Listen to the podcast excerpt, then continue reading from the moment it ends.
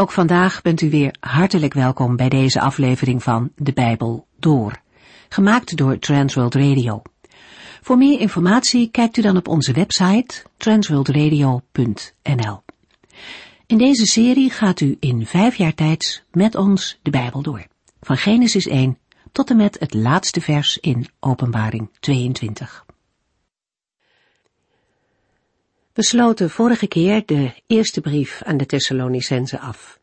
En voor we verder gaan met de tweede brief, kijken we nog even kort terug op de slotwoorden van de apostel.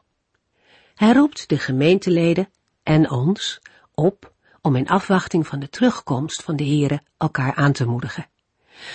Het einde van een wedstrijd is zwaar, maar wat kan de aanmoediging van andere mensen op zo'n moment helpen om door te zetten? Christenen mogen elkaar zo in het einde van de tijd ook aanmoedigen en bemoedigen om vol te houden en om de finish in gezicht te houden. Laten we goed om ons heen kijken of we anderen met woorden en daden hulp kunnen bieden. In de laatste verse van deze brief staan allerlei praktische voorbeelden hoe we dat kunnen doen.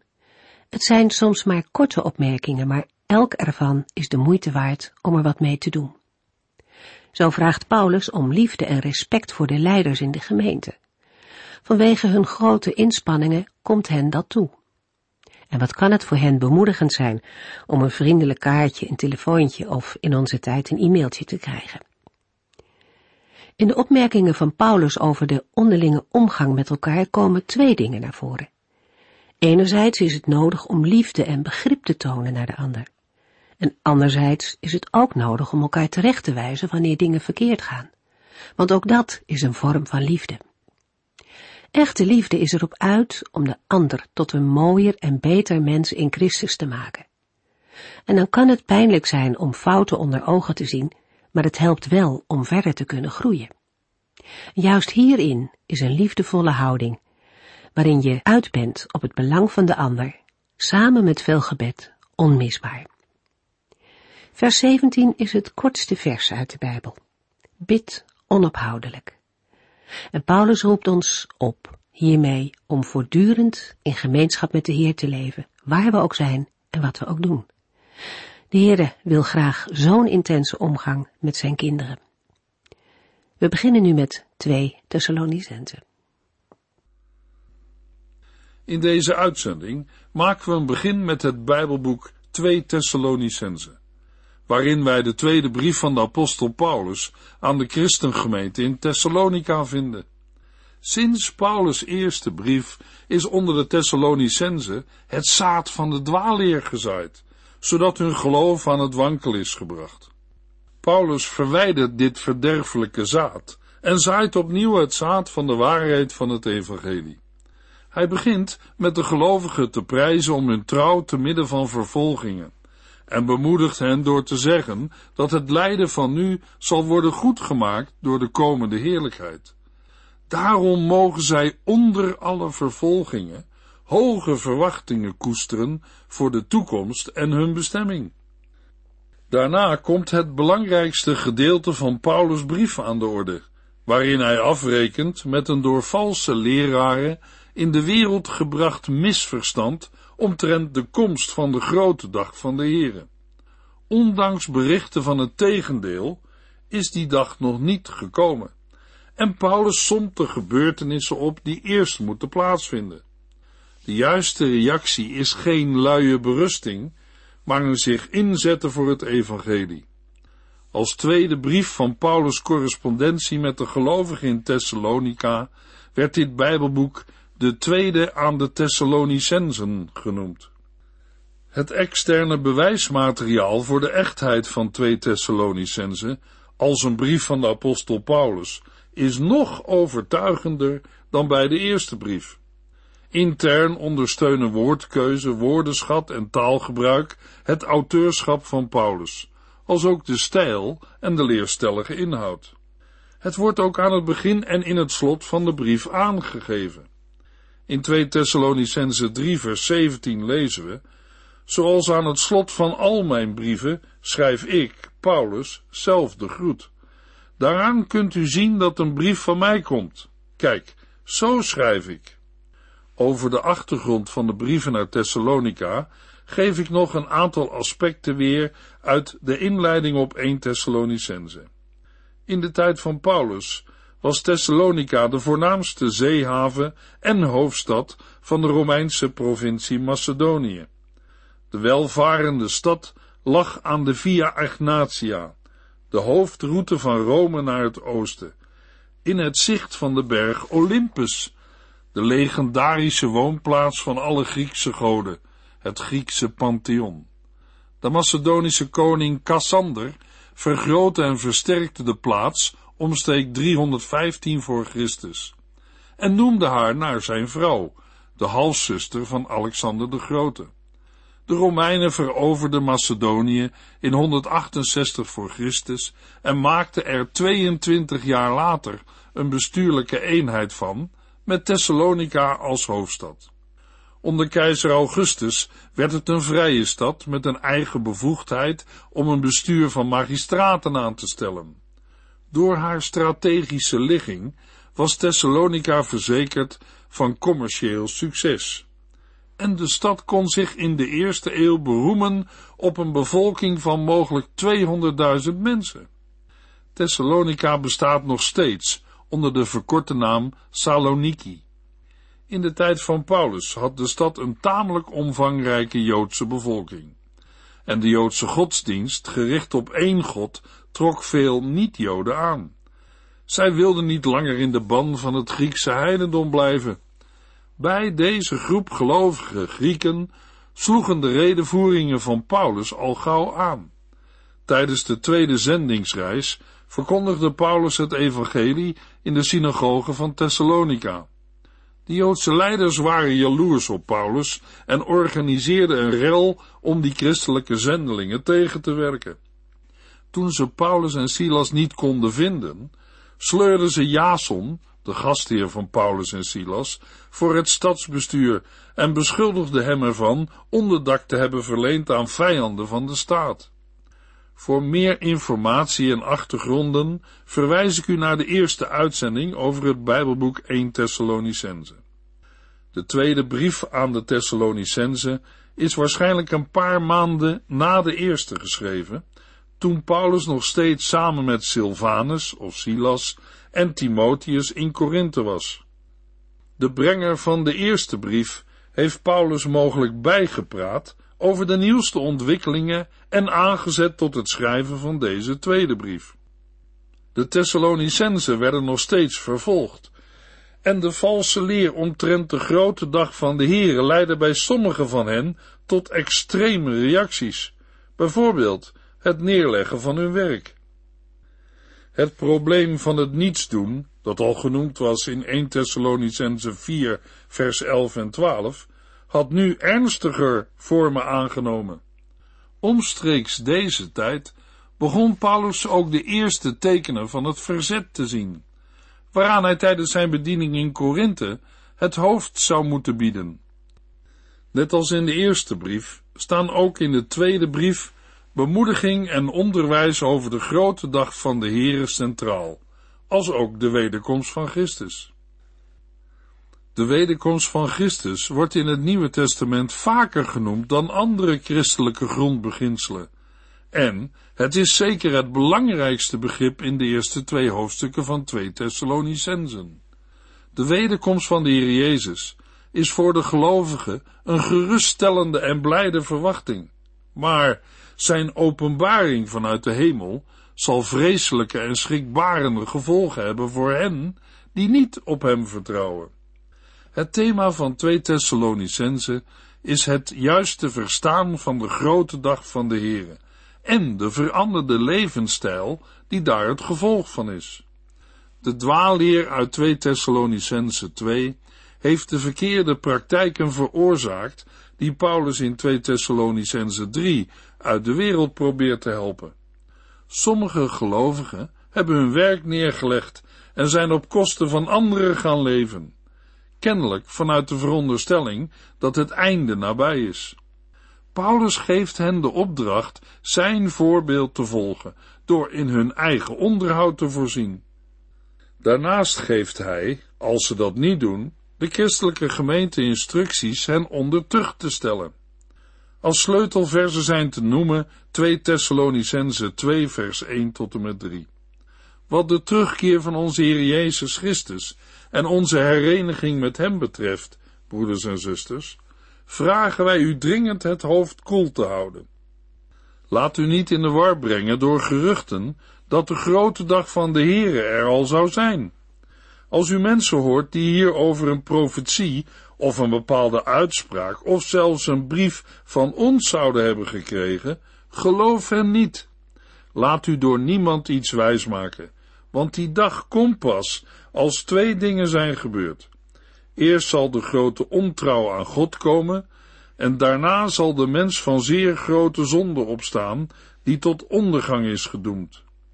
Daarnaast is ook 2 Thessalonicense 3 vers 5 en 6 een sleutelgedeelte. De Heere mogen u een steeds beter begrip geven van Gods liefde en Christus geduld. Broeders en zusters, namens de Heer Jezus Christus moeten wij u zeggen dat u geen contact meer mag hebben met christenen die hun plicht verzaken en niet doen wat wij u hebben geleerd. Als kern van de brief kunnen we 2 Thessalonicense 2 aanwijzen. Het tweede hoofdstuk is geschreven om de bedriegelijke leer te corrigeren dat de grote dag van de Here voor de gemeente van Thessalonica al gekomen is.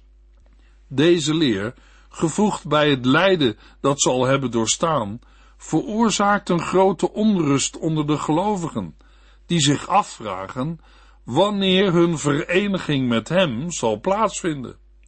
Paulus maakt duidelijk dat aan die dag bepaalde herkenbare gebeurtenissen vooraf zullen gaan en dat die gebeurtenissen nog niet hebben plaatsgevonden.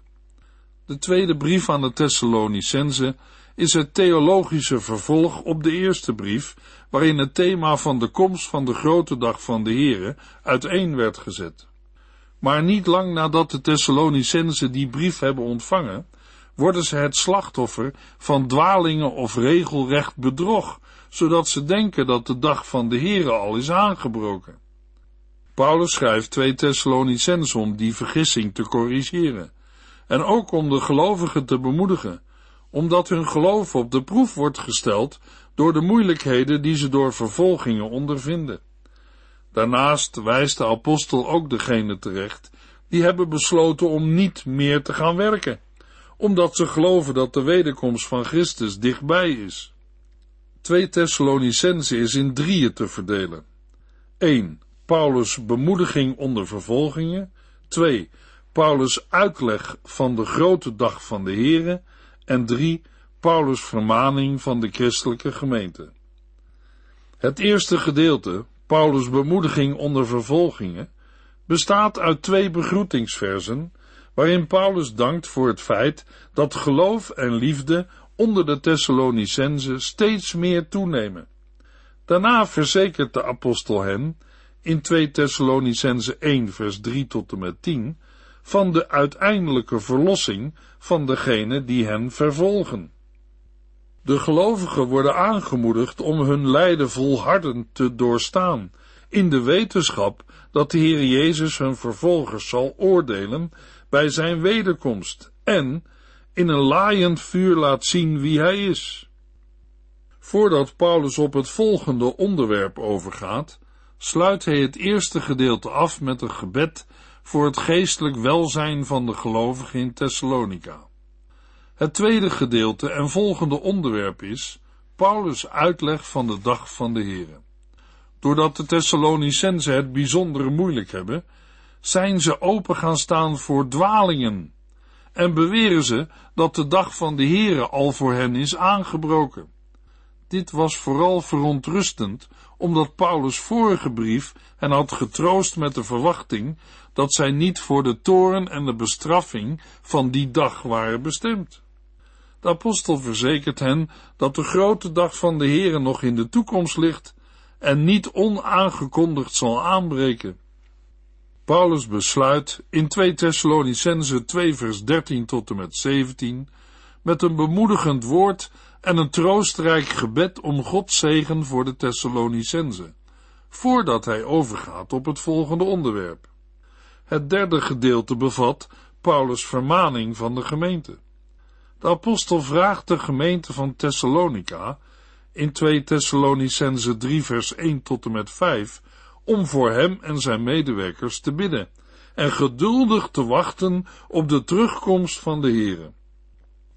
Nadat Paulus op die manier zijn lezers heeft geprezen, gecorrigeerd en getroost, beëindigt de apostel takvol zijn brief met een duidelijk bevel aan het adres van de christenen die de waarheid van de wederkomst van Christus hebben misbruikt als verontschuldiging voor ongeregeld gedrag.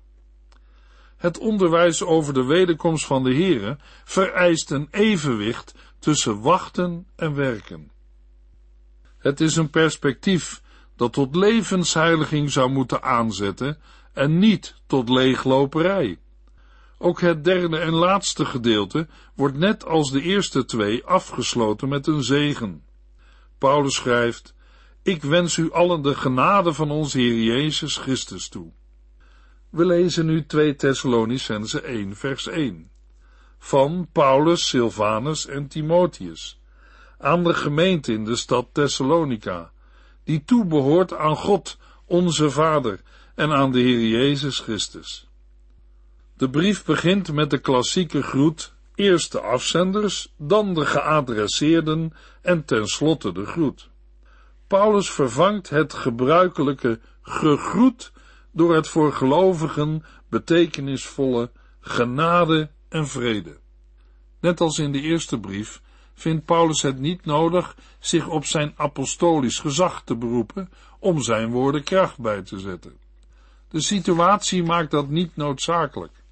De relatie met de christelijke gemeente in Thessalonica is goed. In andere brieven introduceert Paulus zich wel als apostel. De brief is geschreven namens Paulus, Silvanus en Timotheus. Silvanus is de Latijnse vorm van Silas, een metgezel van Paulus op zijn tweede zendingsreis. Timotheus is net als Silvanus een medewerker van Paulus. Met z'n drieën hadden zij in Thessalonica het evangelie verkondigd, totdat zij vanwege de vervolgingen moesten vertrekken.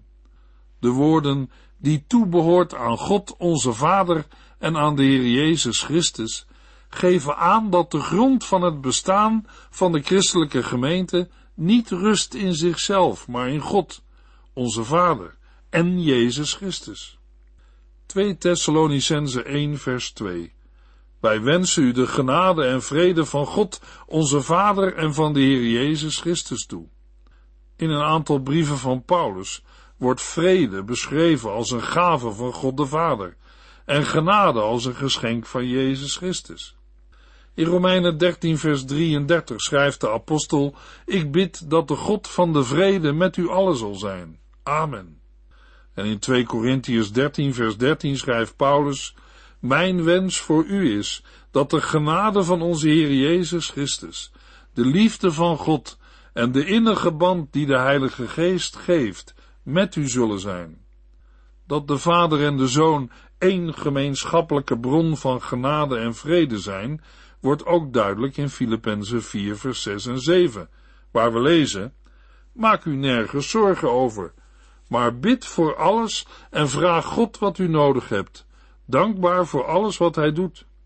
Dan zult u de vrede van God ervaren, een vrede die ons menselijk besef te boven gaat en die de wacht houdt over uw hart en gedachten, omdat u in Christus Jezus bent.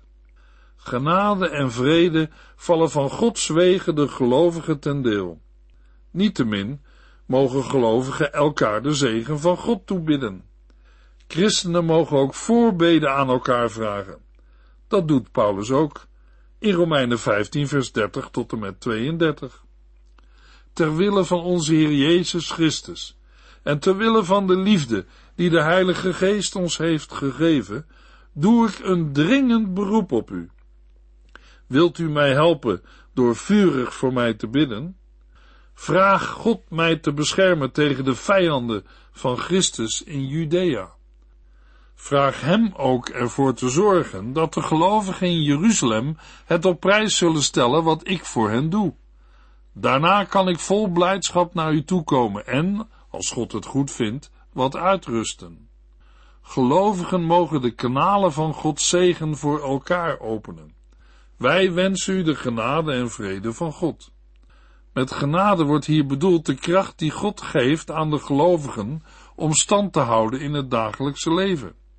Het Griekse woord voor vrede is eigenlijk de Griekse vertaling van het Hebreeuwse shalom, dat vrede en harmonie in elk opzicht betekent. Net als in 2 Thessalonicense 3 vers 16. Ook in de evangeliën vinden we deze vredegroet. Genade en vrede zijn twee belangrijke woorden in de Bijbel. Genade komt eerst.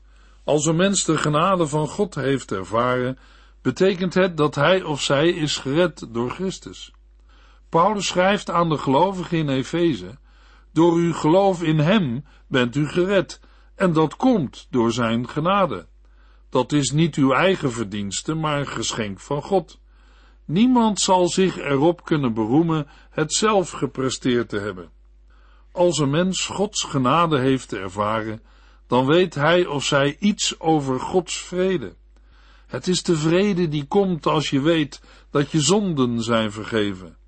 Echte vrede komt van God, onze Vader, en van de Heer Jezus Christus, en is alleen van Hem te ontvangen. Luisteraar, u of jij mag er de Heer om vragen. 2 Thessalonicense 1 vers 3 Broeders en zusters, wij moeten God altijd voor u danken, omdat er alle reden toe is. Want uw geloof wordt steeds sterker en de liefde die u voor elkaar hebt, neemt dag aan dag toe. Paulus begint zijn brieven aan de christelijke gemeenten meestal met een dankgebed voor de groei van het geloof. Bij drie gemeenten doet hij dat niet, namelijk bij de gemeente van Korinthe, Galatië en Efeze. In 2 Thessalonicense 1 dankt Paulus voor de toename van het geloof en de liefde van de broeders en zusters in Thessalonica.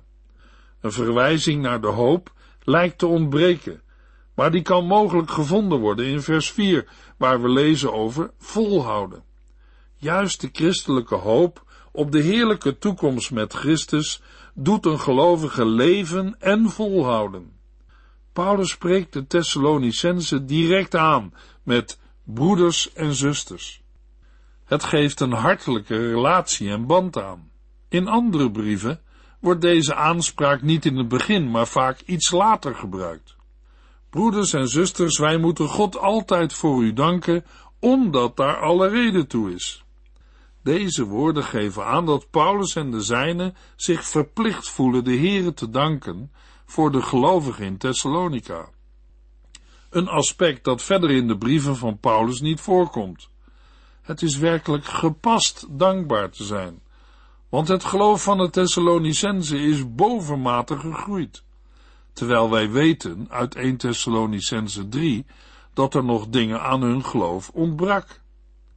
In de Griekse tekst van 1 Thessalonicense 3 vers 10 lezen we wij bidden dag en nacht met volle overgave dat we u weer zullen zien en de tekorten van uw geloof kunnen aanvullen. De woorden geven aan dat het geloof nog steeds verder groeit. De onderlinge liefde neemt toe en is ook geen zaak van enkelingen meer. Alle gemeenteleden nemen erin deel. In 1 Thessalonicense 3 vers 12 is daar juist voor gebeden. Paulus schrijft, het is onze grote wens dat de Heer uw liefde voor elkaar en voor anderen zal laten groeien en overvloeien, net als onze liefde voor u. Als een gelovige vol is van Gods liefde, dan zal dat overvloeien naar anderen. Het is niet genoeg om alleen beleefd te zijn. Wij moeten als gelovigen actief en volhardend onze liefde aan anderen tonen. Onze liefde zou voortdurend moeten groeien. Luisteraar, als uw of jouw vermogen om lief te hebben een tijd lang onveranderd is gebleven, dan wil ik u aanmoedigen de Heere te vragen of hij u en jou weer wil vullen vanuit de onuitputtelijke bron van zijn liefde. Bid om mogelijkheden en zoek naar mogelijkheden om zijn liefde tot uiting te brengen of met anderen te delen. Er zijn zoveel mensen die snakken naar een vriendelijk woord of een bezoekje, en dat zijn echt niet alleen oude mensen. Laat geloof, hoop en liefde in uw, jouw en mijn dagelijks leven mogen functioneren en groeien. Paulus noemt het geloof en de liefde van de Thessalonicense, maar wat zou de Heere van ons zeggen? Geloof en liefde wordt speciaal vermeld omdat geloof en liefde het in gespannen en angstige tijden van de hebzucht had gewonnen. Het ligt opgesloten in hetgeen in de verse 4 tot en met 11 wordt gezegd. Het getuigenis van en over de Thessalonicense is zo groot dat het in andere christelijke gemeenten wordt verteld. Niet alleen anderen spreken over het sterke geloof en de liefde van de Thessalonicense, maar nu doen Paulus en zijn helpers het ook.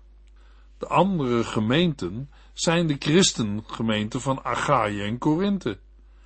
Paulus werkte in die tijd vanuit Korinthe in de verschillende christengemeenten van Achaïe. Er is dan ook alle reden om de Here te danken. Een prachtig getuigenis tot eer van God. David schreef over de onderlinge liefde een prachtig lied. Psalm 133. Kijk eens hoe goed en waardevol het is als broeders in vrede met elkaar omgaan.